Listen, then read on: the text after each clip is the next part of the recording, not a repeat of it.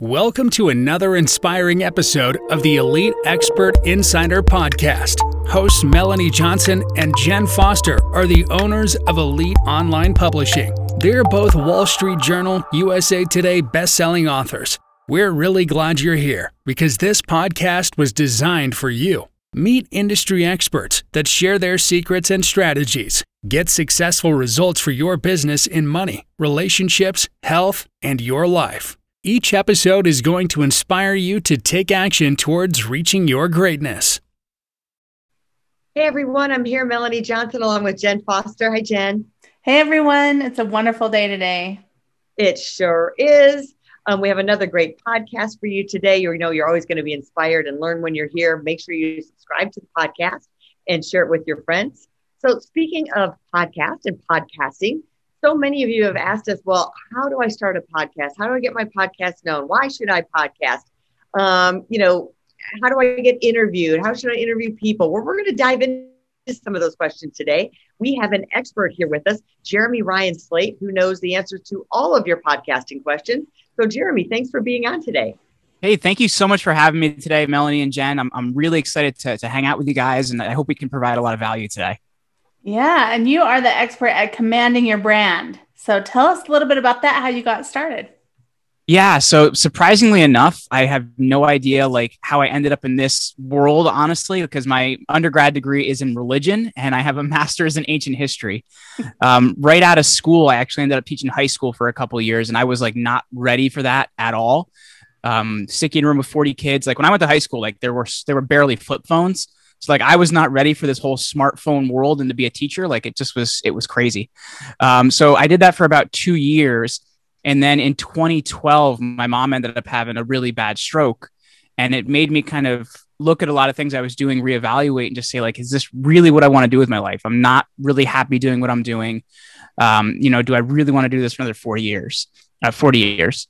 And um, I, I, ended up seeing a network marketing presentation um, a year later in 2013 and i didn't know what that was so i thought i was going to be like a you know multi-millionaire in like a week and a half um, it didn't work like that but it was the thing that did get me to jump ship and, and do something else and it started with network marketing and went from selling life insurance which i was good at i just didn't like getting up every day and being like, all right, so we're going to talk about death. This is going to be great.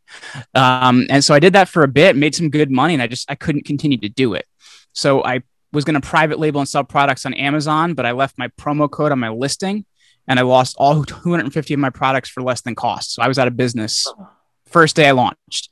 So I had been a podcast fan since like 2009. I had a college professor that introduced me. I loved podcasts and I was working part time for a friend's marketing firm. So just as a creative outlet, I started the Create Your Own Life show and we had 10,000 listens in our first 30 days. And you know, the rest is kind of history from there. It led to us starting this this awesome company and talking to a lot of people that I I never thought in a million years I'd get a chance to hang out with.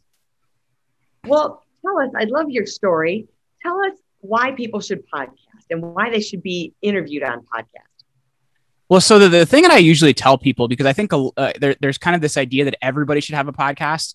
And I'm not a big believer that everybody should have a podcast. I think if you are somebody that's able to be different, have a difference of opinion, and show what makes you unique and special, you absolutely should.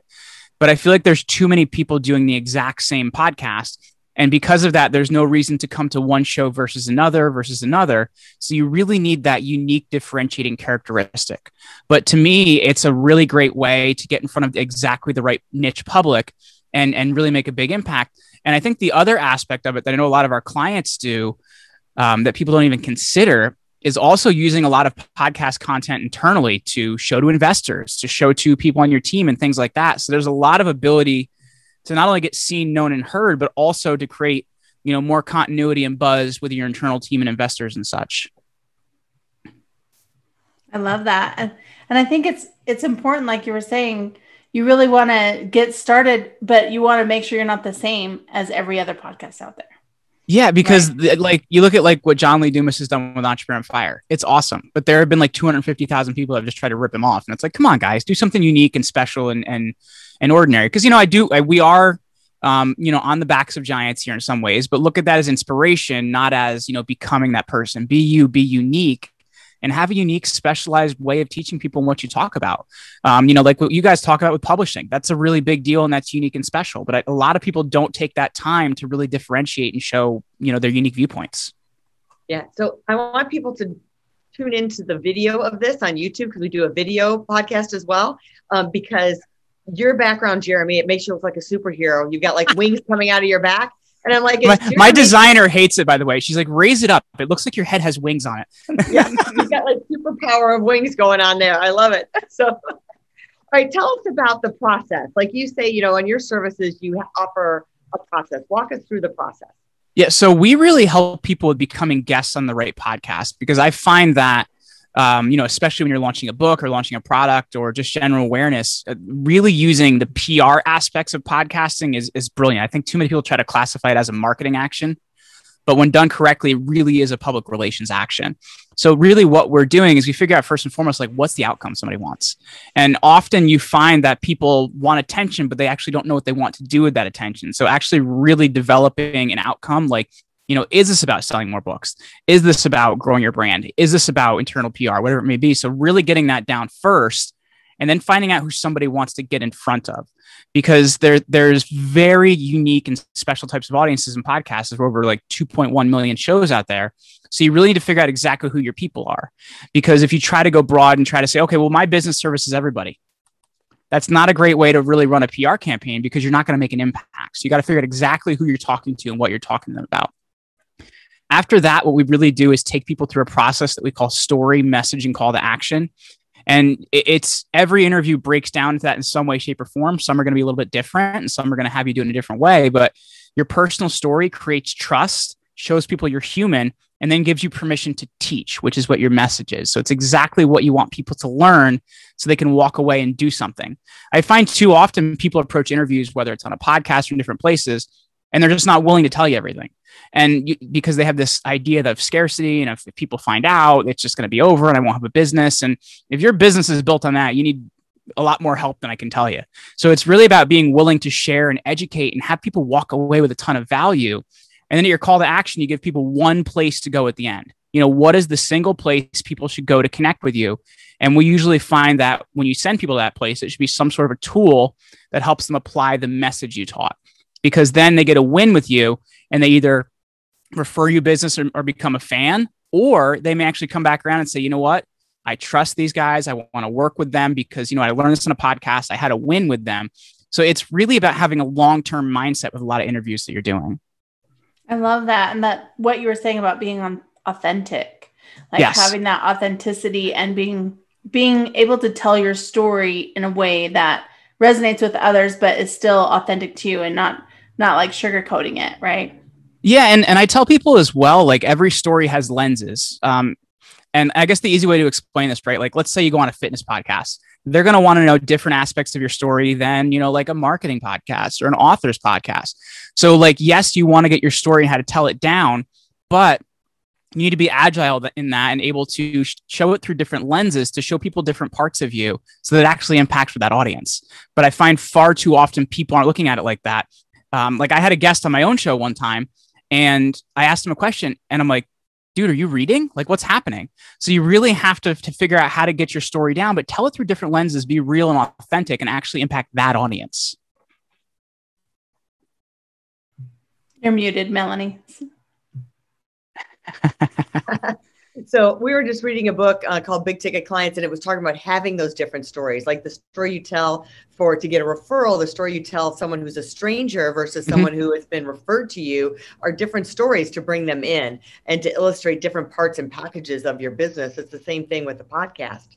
That, that's hundred percent correct because like it's and and you see this with really great speakers too not just people that interview well is they're able to do things through the lens of story they don't just answer your question. They tell you, well, actually, you know, there was a time like this when I learned XYZ and they tell you a story. It makes it more real because it really gives you that human experience. And if you look at like the stories that have been passed around for generations and generations, like, you know, the Iliad and the Odyssey and things like that. They were they weren't written down first. They were oral traditions passed on and stories that are well communicate and people remember them.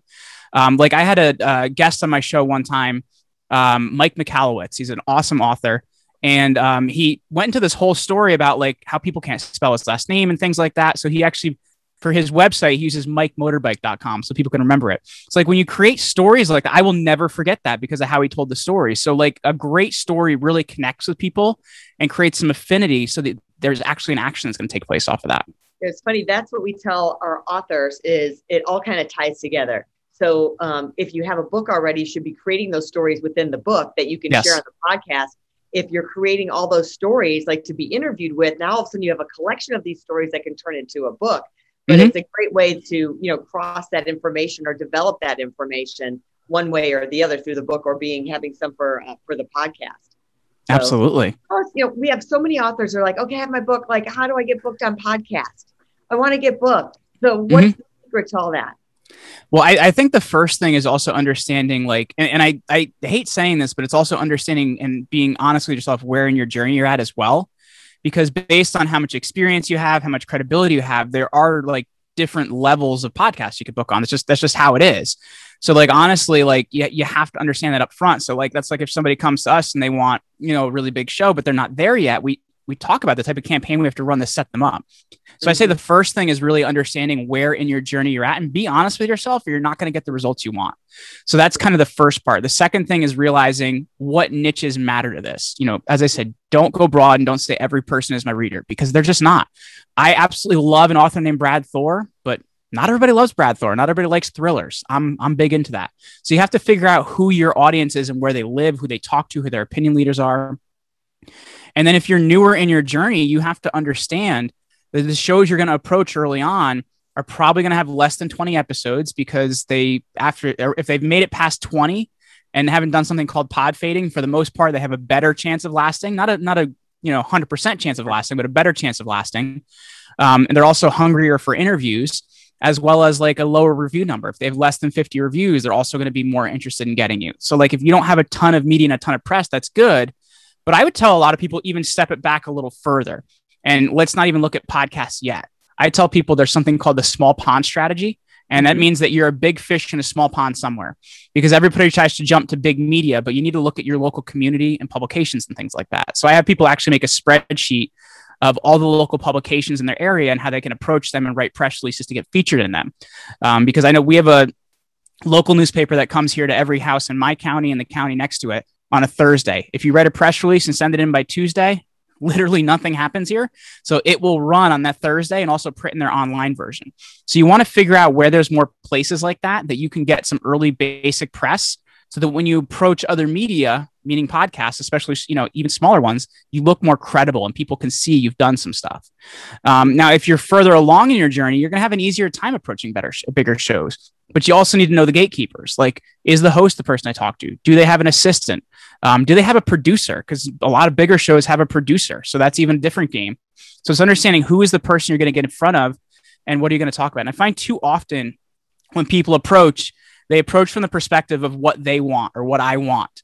And you have to look at you know how you're going to serve the audience like because when, when you when you and i first jumped on today i said hey i'm here about serving your people you have to show up that way and even in how you pitch it should be about the purpose of what you're doing the impact you want to make and sure, you can talk about the book you have, but don't say like, like I had somebody say to me once, so I'd love to do this interview. So your audience buys my book. I'm like, okay. So like, that's not really how you should approach it. It should be about the value for that audience. And also realize like the first 50 words of any pitch are the most important because that's what's going to get people to read the rest of it. Because I don't know about you, but when I get a long email, I'm kind of like, ooh, I'm not reading that. So you need to, need to really realize the first 50 words of that pitch that talk about purpose, what you've achieved and what you've done in some of your media is vital.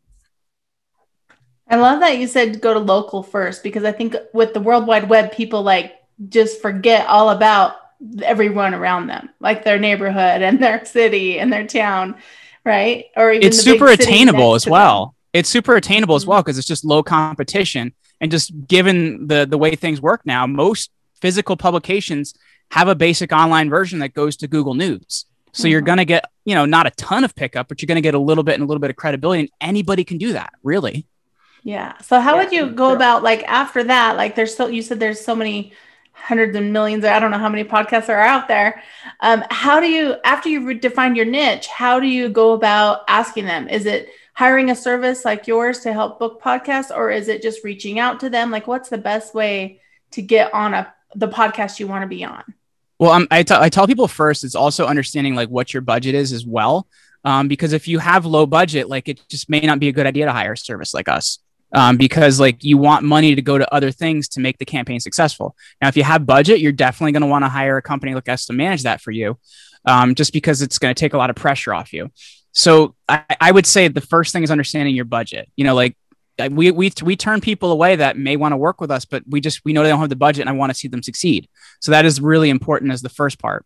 Um, the second part is realizing like, can you manage this yourself? Like, do you need to get an assistant to help you? Do you need to get somebody to help you, you know, with sending out emails and things like that? But I found email to be very successful. I've also found Instagram messages to be very successful. So if you can get somebody to help you with that and um, you know really get that out there, you're going to have a ton of success. But also realize if you're launching a book the key to making that successful is enlarging the number of shows you're doing and compressing the timeline. So if you can do a lot of shows in a quicker in a quicker period of time, it kind of hits this critical mass and that's where you're going to see more success. So it's also understanding that as well, not just okay, I'm going to do a show here, wait a few months, do a show there. It really needs to be a campaign that's compressed um, with a large number of shows within it. Right. We just interviewed a, a gal uh, last week about her new book, Exit Rich, with Sharon Lechter. And she's like, "Oh yeah, right after this, I'm jumping on Loral Langemeier's podcast." So she like had she was totally lined up back to back to back because her book comes out June 22nd. So she's like, "I gotta have this right away," you know. And you have to be willing to do that too, by the way, because some people will say, "Oh, you know, I just don't want to do all these shows back to back." But you have to understand if you want the result of a lot of attention, you have to compress the timeline, or it's just not worth it. Mm-hmm. It's just like a media tour, like they do for movies. All of a sudden, you see some star he's everywhere because his movie's coming out. It's the same yeah. type of thing.